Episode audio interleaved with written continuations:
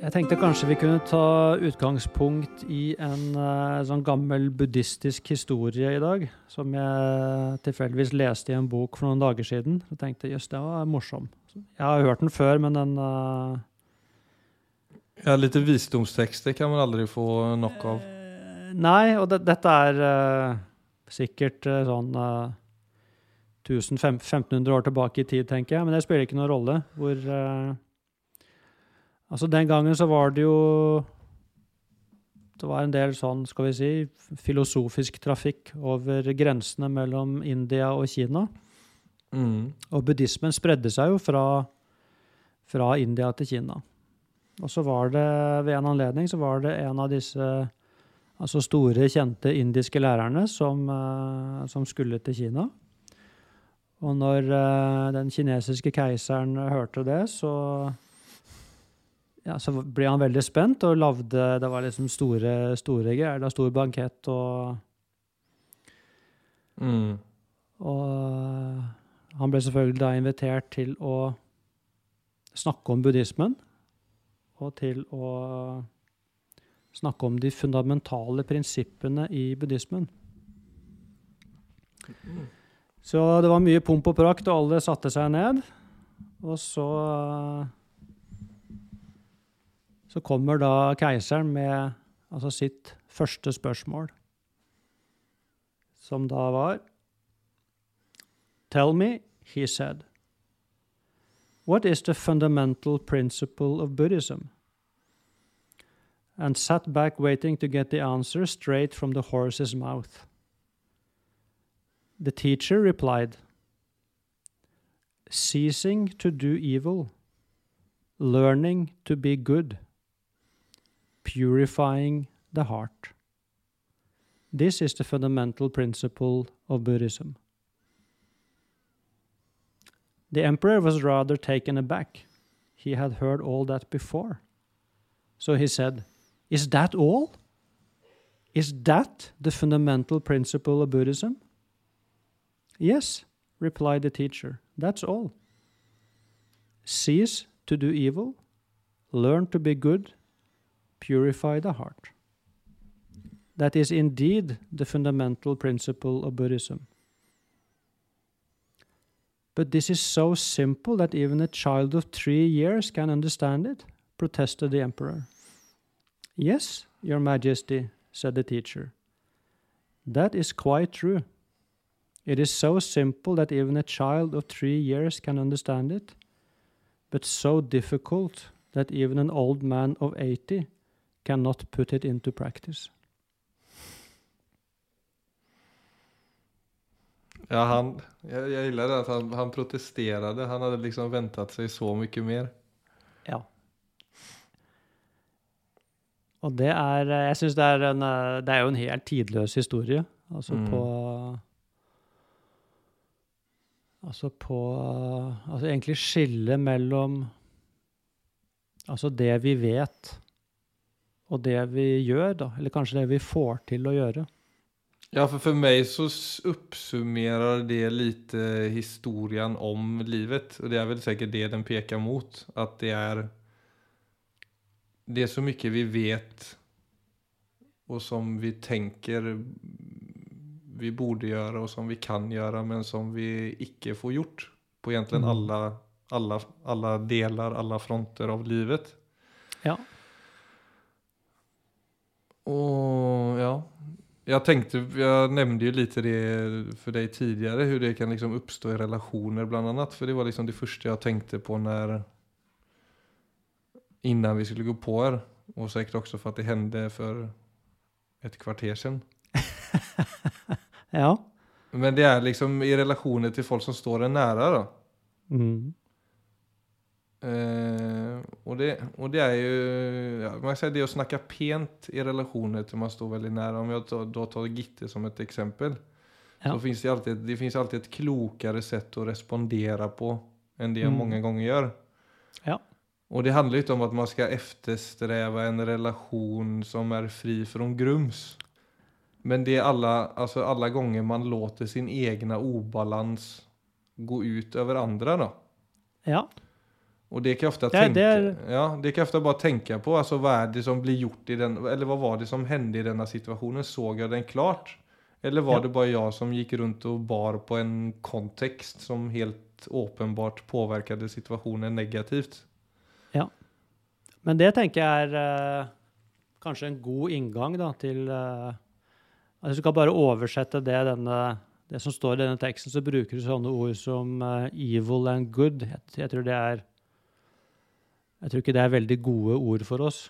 Men, eh, men hvis du tenker på bare det som er Altså det som er riktig, og det som ikke er riktig. Altså I enhver situasjon så vil jeg egentlig tro at det vet vi mennesker. At Vi vet hva som er rett og galt. Så, så bare holde det der. Og samtidig så sier han da så 'purify your heart'. Som, eh, og heart er jo egentlig da altså deres ord for sinnet, så 'purify your mind'. Men når de snakker om mind, så mener de ikke bare da det som skjer i hodet, men de mener jo det som skjer i hele vesenet ditt.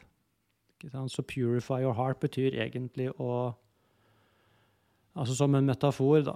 Ta og bruk livet ditt til å løse opp alt det som skygger for solen. Det vil da si alle egentlig mine selvopptatte og selvsentrerte mønstre som skygger for eh, det dypeste i meg. Som ser lenger enn mine egne behov. Så, den, eh, så for det peker mot Altså det du egentlig søker, det er der du finner det. Og Hvis vi da går til disse hverdagssituasjonene som du snakker om her, i nære relasjoner, så oppstår det en situasjon, og så svarer du Gitte på en måte hvor du ikke er på ditt beste. Mm. Og det er jo superinteressant, for at da eh, Nummer én, så vet du det. Og det i seg selv er faktisk eh, noe å reflektere over.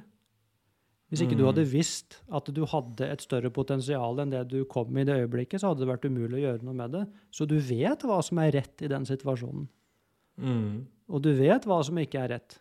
Og allikevel så plutselig så gjør vi det som ikke er rett. Så, så Nei, og det skjer ofta av seg selv også, ikke sant? Ja, det er akkurat det det. er liksom tre, tre sekunder for sent, og bare fuck. Det var ikke trevelig, Yes. det var ikke trevligt sagt. Ja, ikke sant? Og der er det i seg selv veldig viktig å ha en god modell, for at hvis man skal For det mange gjør, da, i etterkant å ha altså kommet ut på feil måte, er at man går og straffer seg selv. Mens jeg vil si, det er akkurat når du sier 'purify your heart', så er det sånn Der kom mønsteret mitt. Og så er det jo ta det opp og prøve å forstå det. Så du kan jo, du kan jo Mm. bruke den type situasjoner nettopp til å Altså til å bli en bedre utgave av deg selv. Og da bruker man jo livet på en fornuftig måte. Og vil Mm. sannsynligvis også skape mer og mer harmoni i relasjonen. Fordi at alle sånne Når det glipper for meg, det jeg i hvert fall kan gjøre med det, jeg kan bruke det til å forstå meg selv bedre. Ja, Og da er man på et godt spor. og så er det også om du ikke straffer deg selv, så kan det jo være at du da tar deg selv i forsvar overfor den andre personen. For at det kan være kjenslig å være sårbar og naken i det å si du Gitte, det der var Mm. ikke noe hyggelig gjort av meg. Mm. Det var jeg som ikke var avstemt, og så kom det der bare av seg selv. Ja. At den, den og faktisk medge at man ikke opptredde på en OK måte, Mm. det tror jeg også mange kan slite med i det å Ja. ur egget og være sårbar. Da. Ja, det Så blir det i stedet bare at man liksom, ja men så som i den situationen eh, ja, i morse då när jag stod på badet hade duschat och skulle klä på mig och fixa så skulle hon säga någonting angående barnen och försökte öppna dörren. Och så Mm. låg mina kläder i vägen för dörren så hon liksom prövde och prövde och så ville jag egentligen bara ha lite space för att kunna ta på mig kläderna i lugn och ro. Så istället Mm. då för att ge henne en lugn replik att du bara väntar lite så kommer jag ut om 30 sekunder. Så bare ryter jag till lite. Bara, nej, håll, ikke håll på med den dörren. Mm. Ikke sant? Og så blir det så som jeg, et sånt mønster som jeg da kan gå inn i som er et sånt I stedet for å være da ærlig overfor henne og meg at äh, det der var mitt egne bagage som snakket, på en måte, eller min egen stress. mm. Så kan jeg fort ta meg selv i forsvar. da. At jeg da kan nesten begynne å gå inn i en sånn ja men du kan jo knakke på. Eller du kan jo gjøre det på en Yes. penare måte. Ja. Og så er man i gang på det spåret da. Ja, det er akkurat det. Og da er man på en sånn never-ending uh, greie, hvor du faktisk kan- Det er et veldig godt eksempel for disse små, små tingene i hverdagen. Som jo skjer mange, mange ganger hver eneste dag. Mm. Så den type historie du forteller om her, er det jo ikke mangelvare på. Det skjer jo hele tiden. Ja, for det er ingenting som blir til noe. Det er det som er det håpløse. i sånt. Ja. Så hvordan, altså hvordan man da egentlig forvalter den type erfaringer. Og der tror jeg det er utrolig viktig faktisk å ha Der må du ha en god modell i bakgrunnen som kan egentlig hjelpe deg til å bruke den type ting på en fornuftig måte. For den lille, den lille historien du forteller om her, du kan si Det som veldig ofte skjer, da, er at man bare rettferdiggjør det.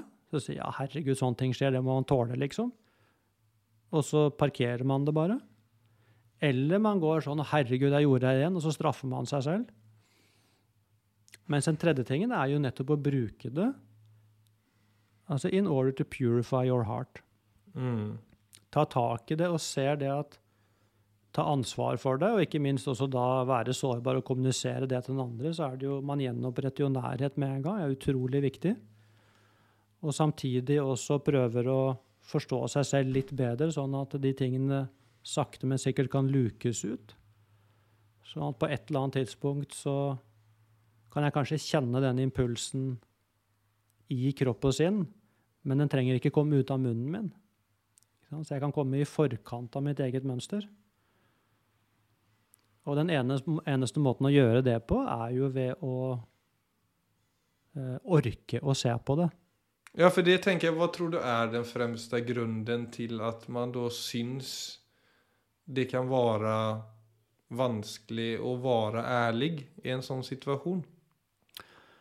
Jeg, jeg tror det har faktisk mye med Altså igjen, da, sånne Altså egentlig grunnleggende modeller for, eh, for å være menneske som vi som vi er vokst opp med, og som vi selvfølgelig vi får det hjemmefra, vi men vi får kanskje enda mer i dag fra samfunnet. Hvor det å være sårbar, f.eks., blir Man er da redd for at man er svak. Så, så for mange så vil det være utenkelig, for at de de klarer ikke stå i de følelsene. Altså du, må, du står jo da og være, og er naken. Ja, også at man skal ha rätt. Eh, Nettopp. ikke sant? Og du kan jo se noen mennesker kan du jo se ja, en old man of 80. Noen ganger så ser du jo eldre mennesker som som fortsatt holder på sånn. Men sa jo at det til deg eller de sa jo kanskje i forrige episoden, det, men jeg sier det igjen uansett. Men det der med at mange menn efter fem, jo jeg sa det, som har haft en sånn dominerende posisjon i samfunnet, sa jeg til det? Jeg vet ikke. Nej, altså, du, vi snakker jo så mye, så vi husker ikke hva vi sier til hverandre en gång. Men at det blir mange menn da, etter 50 som har haft en sånn dominerende posisjon i samfunnet, Mm. slutter å lysne. Altså at de Ja. börjar opprette, opprette en slags monolog istället for en dialog. Ja. Jeg husker vi snakket om det, men jeg husker ikke om det var en episode. Men ja, ja for eksempel. Ikke sant? Sånn at det da Igjen, da, så er det Jeg har sluttet å se på meg selv. Og jeg har sluttet å Og igjen, da, å se at Altså, det gode liv, det Det finner jeg ikke der. Det finner jeg egentlig bare ved å rydde opp i meg selv. Så det er klart, hvis jeg tror at jeg finner det gode liv i å hele tiden bevare posisjonen min, altså som da er et sterkt ytre, hvis jeg tror, hvis det er den grunnleggende modellen min for menneskelig atferd, så holder jeg meg jo der. Ja. Så, ja, så det det lite være om vilka, kv- vi- hvilke egenskaper vi lyfter fram i et Ja, samfunn. Og, og så også så fort sånn hva som hva man har praktisert i arbeidslivet, som ikke nødvendigvis er en fungerende og sund modell i dag, men fort flytter inn i privatlivet. Altså Ja, ty type hierarki ha- og prestasjon og ha rett og fel og Å ha et sterkt ytre. Ikke sant? At Ja. ikke det er noe riper i lakken. Det er jo en uh, forferdelig modell for, uh, for å være menneske. Og kanskje det har altså mer menn som lider under den. Ikke sant? At det å være en mann, det å være maskulin, er forbundet med noe som er usårlig. mm. Det er klart, Da er du sjanseløs, egentlig, til, eh, til, til no, særlige relasjoner. Ja. ja, de er nok eh, skadede menn på den fronten. Ja. Altså hvis du tenker på det, Philip, at absolutt alt vi gjør, absolutt alt, kommer fra en impuls om at vi ønsker å ha det så bra som mulig. Så la oss, sette, la oss kalle det lykke? I mangel av et bedre ord. Så i alt vi gjør, så søker vi lykke. Besøker et bedre tilstand, ja. Mm. Ja, ikke sant? Så til og med når du bjeffer eh, mot Gitte der helt på autopilot, så gjør du det fordi du tror det er det beste i situasjonen. Så det er jo da sannsynligvis noe som kommer fra selvbeskyttelse. Du prøver bare å dytte bort et ubehag. Så i et Ja. veldig kortsiktig perspektiv så gjør vi veldig, veldig mye rart, men det kommer alltid fra den grunnleggende impulsen at dette er det beste jeg kan gjøre i dette øyeblikket. Vi gjør aldri noe hvor vi bevisst søker en, dår en dårligere tilstand. Ja, dette skjer ubevisst mye. Ja, Det er ubevisst, ikke sant? men Ja. det kommer allikevel fra en strategi. Og det er det som er utrolig viktig å bli bevisst, for det er da man kan ikke sant? Altså Som man sier, altså gjør det som er rett. Ikke gjør det som eh, er feil. Purify your heart. Men du er nødt til å ha en grunnleggende modell i bakgrunnen som du kan bruke som et speil. Ja. ja, for det er litt sånn kvitte seg med grumsprosjekt, tror jeg det der ubevisste holder på med. Ja, At man tror at det er liksom bare å skrike høyt, så blir man kvitt. Ja, ikke sant, whatever. Og, så, og det er jo en så, så Du vet dette med, dette med å rydde opp i sitt eget liv, for det er det egentlig de tre setningene peker mot. Hva er, hva er liksom det grunnleggende prinsippet i buddhismen? Kan godt sagt det rydde opp i deg selv. Herregud, er det så enkelt, liksom? Ja, det er et enkelt prinsipp, kanskje, men hvem er det som gjør det? For vi snakker jo da om en om et livsprosjekt, egentlig, i de tre setningene. Så det blir jo å bruke livet på, på en måte hvor man Jeg bruker alt som skjer meg, til å forstå meg selv. Og til å bruke det til å rydde opp i meg selv. Sånn at jeg kan stå mer og mer åpen, mer og mer naken eh, i livet. Som gjør at jeg også kan slippe folk helt inn. Det er eh, jeg tror det er veldig viktig med, sånn, med, den, ja, med den grunnstrukturen som du snakker om. Å ha et perspektiv og en oversikt på det. For jeg tenker så er det jo generelt sett altså, nu, nu började jag bara fort tänka på den ena dagen jag var sånn skitsliten och gick runt med vår yngste son på sex månader och han, han på, på kvällen han ville ikke släppa taget om vakenheten. mm. Og det mest naturlige efter en tidsstrev det er at du bare ser fram imot å bare legge han ifrån seg. Og bare, altså etter hvert bare Mm. kaste ham ut et eller annet Mm. vindu Ja, ja. i verste fall. At det bare, altså, Ja, ja, bare blir det. helt sprø, ikke sant? Ja. Men det å ha då den der modellen av tilstedeværelse eller tålamod eller den forståelsen som vi snakker om nå, det å da Mm. Puste godt og jobbe med liksom tålamod og bli kvar i situasjonen mentalt uten å rømme, Ja. Så har jeg jo merket det at da vil jo både jeg og babyen, faktisk også babyen, lande i et større lugn efteråt. Mm. Så hvor krevende en situasjon enn må være, så må man jo være der altså for seg selv, og du må være der da for babyen, eksempel. Mm. Annars så ja, hamnar man men, ja, man, då hamnar man ju alltid i en sånn återvändsgränd. Og jeg tror hvis man ikke har den modellen på plass, så er det veldig vanskelig å holde det perspektivet gående. Ja, det blir faktisk helt umulig. Så jeg, så jeg tenker, så det, akkurat det vi snakker om her, tror jeg er Dette er så viktig. Altså det å finne ut med seg selv, egentlig, hva er egentlig altså Hva er den grunnleggende filosofien jeg lever etter? Og selv om du aldri har hørt filosofi Nei, jeg har ikke noe filosofi. Så, jo, du har det. Du må se på handlingene dine.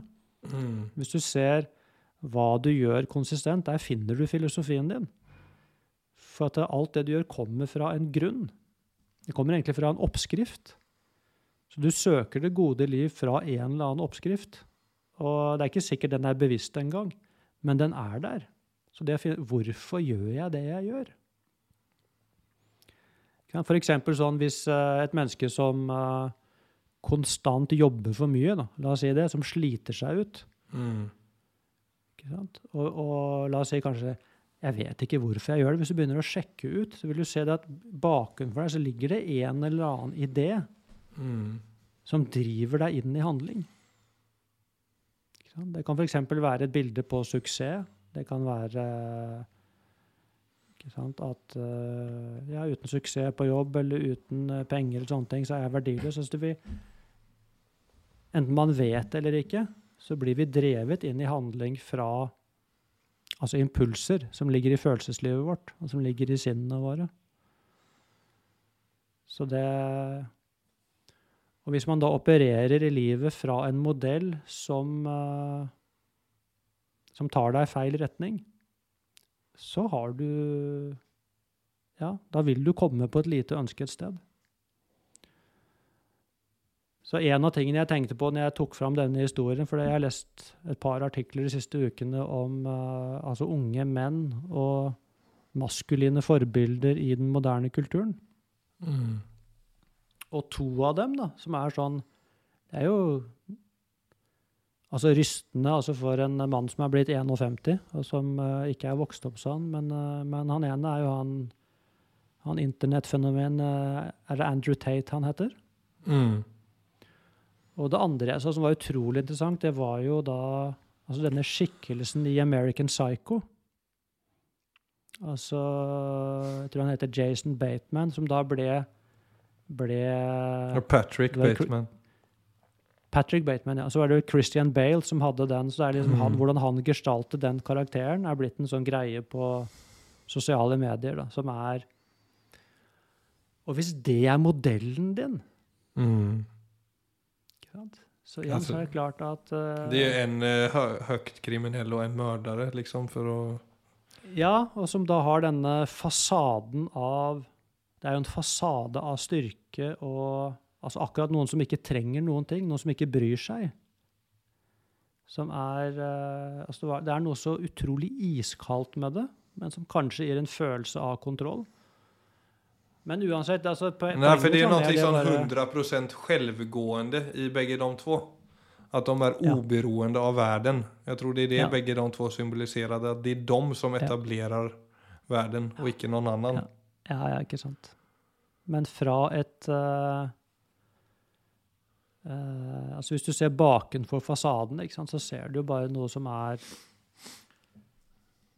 Ja Et veldig lite barn, egentlig. Altså noe veldig, veldig sårt og trengende. Og som da har bare bygd opp en kjempemur, egentlig, mellom sine egne følelser og verden for å fremstå som men, et, men, men poenget mitt var mer bare den Mm. Det som slo meg, var altså viktigheten av å ha en grunnfilosofi altså med deg på livsreisen. Sånn at du kan For hvis ikke du har altså, hva, For du vil jo alltid navigere i henhold til noe. Ikke sant? Så hvis jeg skal begynne å bruke den type modell for meg selv, så Jo, men det startar så tidigt också, du vet, när jag tänker på det. För det är samma sak i barnhagen och sånt. Så kan jag ju märka det med mina söner att de, alltså oavsett om det är en snäll, eller, alltså nu ska jag inte säga att någon, något barn är snäll eller dumt, för det, det tror jag inte ens på. Men om det, om, det är någon, om det är ett barn som på en måte har lite mer eh, framkant av liksom inkludering framfor det å på en måte holde noen utenfor eller så videre. Det er ikke alltid så viktig. Det som, trekker veldig mye oppmerksomhet, det er at hva er det som er spennende? Mm. Og det tenker jeg så Andrew Tate og Patrick Bateman, som på en måte er et sånt kaos av spennende greier og action og alt mulig. Mhm. Så er det, sånn, det, det, det er det som på en måte jeg merker også hos veldig små barn som mine sønner, hvor fort man fester seg ved ting som på en måte bare får øyenbrynene til å høye seg. ja, absolutt. Og allerede der er du på en måte i gang. Så om noen, noe er veldig spennende, men utrolig destruktivt, Ja. så er det på en måte spenningen som ändå gjør at du går inn i det. Ja, ja, det vel, altså alt dette er jo veldig forståelig.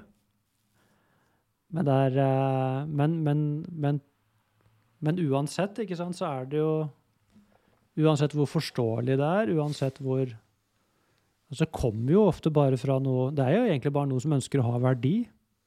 Så det kommer jo fra et, eh, et veldig viktig sted. Men konsekvensene er jo allikevel eh, knallhard. Altså, livet er ikke et sosialdemokrati hvor det, hvis du mislykkes, så står det liksom en buffer der. Det er, konsekvensen er jo da bare at man blir helt lost. Mm. Så det er, det er tøffe konsekvenser ved å gå inn på Altså på en livsfilosofi som ikke er samstemt med hvordan vi faktisk er, da. Det er veldig primal. Alltså det, vi har jo liksom jaktat og holdt på människan gjennom alle tider og sånt. Så det er jo det der med liksom ting som er spennende og litt farlig og Ja.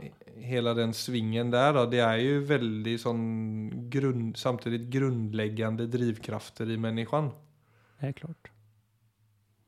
Men det er alt det som handler om kan si, Det er jo alt det som handler Alt som kretser rundt overlevelse, da. Vi kommer tilbake til det. Altså Ja. Hele biologien vår er Altså, den skal overleve. Men eh, Og det er klart, der er alt som Altså hva som er styrke rent biologisk, og hva som er styrke du kan si psykologisk, og hva som er styrke eh, fra et åndelig ståsted, er jo tre veldig forskjellige ting. Det det er, eh, det er forskjellige deler av oss som, eh, som opererer etter helt? De har sine egne regler. Så,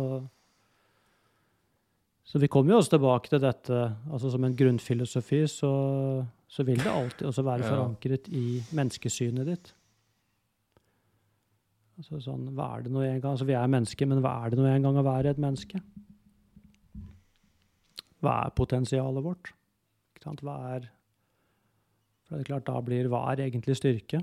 Men så blir det jo også dette med der du får svaret hele tiden, er jo på hva er det som gjør at jeg opplever glede? Hva er det som gjør at altså, mitt vesen åpner seg? Mm. Er, eh, for der får vi jo egentlig også svaret med en gang. Så er det noe med å begynne å bli nysgjerrig på den responsen. da.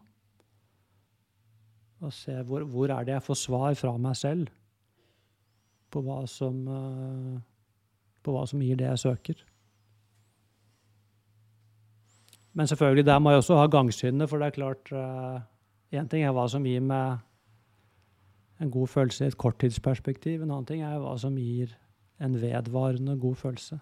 Så det er jo også der Ja, en mann på 80 altså, Cannot do it. At vi han blir forført. er long gone. Inn i sine mønster uansett. Ja Hardt liv. Men det er eh, det jeg er tänker på barnehagen. Det er så vackert. Det- Där kan jeg tycka det er vackert å se på ibland. For nå tenker jeg liksom, når er det biologien som taler i barnen? Når er det det psykologiske? Når er det, det mer dy, de dypere aspekterna talar in? Mm. Och det kan man se på så tydligt när, för den barnhagen jag är, är jag väldigt förnöjd med. Det är väldigt god pedagogik. Och väldigt mycket fokus på goda kärnvärdier. Ja. Och det kan jag tycka är så vackert när det kan bryta in i en sån, låt oss kalla det biologisk actionlek som ofta spårar ut i ett sånt destruktivt mönster. Mm. Och så är det liksom någon av barnen som plockar upp några sådana kärnvärdier. Ja, nydelig. Og klarer av å forandre den situasjonen med inkludering. Ja, fantastisk.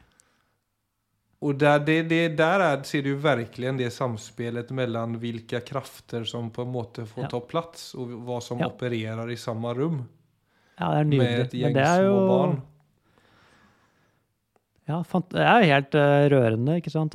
Men tenk deg å vokse, altså tenk deg å vokse opp med det, ikke sant? Og se hvordan da man kan altså, transformere egentlig da de vanskelige følelsene i en konflikt gjennom et sett med verdier som forener oss. Det er ganske sterkt å få oppleve helt fra barnehagen av. Veldig. Og da tenker, da blir man jo liksom For en sorg med Patrick Bateman og Andrew Tate. For det er jo, det er et bilde på alt annet enn nærhet.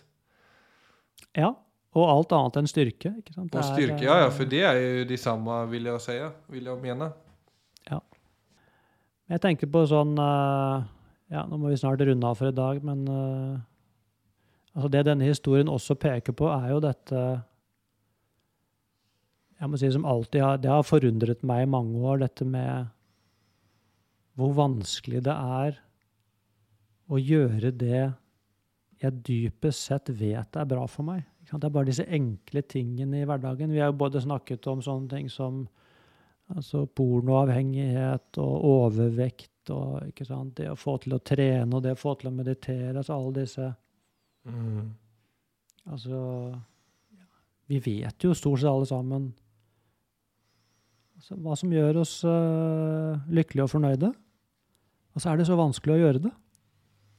Men det forundrer deg i det anseendet at folk ikke får det til, eller bare at det er et Nei, faktum? nei jeg, jeg, jeg, jeg, har alltid forundret meg over at det er så vanskelig, og da har jeg bare egentlig sett på mitt eget liv. Ikke sant? Altså sånne ting som uh, eh, Jeg har særlig sett i mitt eget liv altså sånn når det gjelder å skrive. For at jeg, som jeg som jeg elsker Altså, jeg elsker å få ting ned på papir. Altså det å skape setninger og det å se et avsnitt som er Mm. altså godt komponert, og det å oppdage i skriveprosessen hvordan det plutselig dukker opp ideer som du lurer på hvor, hvor kom det fra, egentlig? Så, så hele den kreative prosessen. Utrolig tilfredsstillende. Mm. Og hvor vanskelig det allikevel er å sette seg ned og skrive. Så, så det var der- var der jeg begynte, men så ser jeg det gjelder jo egentlig alle disse tingene. Så, så det spennet i Mm. menneskesyken på, på det som virkelig gjør oss lykkelige, kontra liksom hvor vi hele tiden trekkes inn i ubetydeligheter. Da. Det er eh, veldig, jeg synes det er, det er superfascinerende. Mm.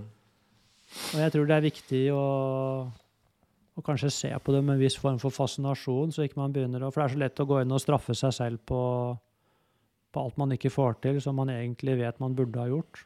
Men altså heller prøve å gå inn med med et litt mildere blikk, da. Men eh, men ja, jeg tror det er et liv. Altså det å gå inn der og skulle gjøre noe med saken, det er eh, helt klart et livsprosjekt. Det er ikke noe eh, Det er ikke et helgeprosjekt. Nei. Og man kan få til litt, men ikke nødvendigvis allt. Nei da, men kanskje man kan uh, Altså ikke litt i litt i det anseendet at ja, men jeg tenker Ja, det er viktig å klappe seg på skulden for de vanene man klarer av å etablere, ikke sant? Ja, jeg tror det er veldig viktig å ikke bli mål, målorientert. Ikke sant? For det er noe med, altså som du selv sa, da, dette med å Altså bruke disse hverdagssituasjonene. Plutselig så bjeffer jeg ikke sant? fordi jeg var stressa, jeg var sliten. Så det å bruke det til å ha en dialog med seg selv, men uten egentlig noen ganger å verken tro eller forvente at jeg skal komme til et sted hvor jeg slutter å bjeffe, altså det er urealistisk. Men det går an å være dedikert på å Altså på å bli bevisst meg selv, uten at jeg trenger å lage så mye stress rundt det. Så jeg kan, jeg kan jo ta Jeg kan jo være i livet med på en måte en Altså en 100 dedikasjon, Mm. eh, og samtidig med en letthet. Så det er ikke sånn at dedikasjon og letthet egentlig er motstridende. Det blir bare ofte sånn. Men det er egentlig ikke det. Jeg tror, på en måte tror jeg de hjelper hverandre veldig godt. For med en gang jeg blir målorientert, så blir jeg selvfølgelig veldig stram.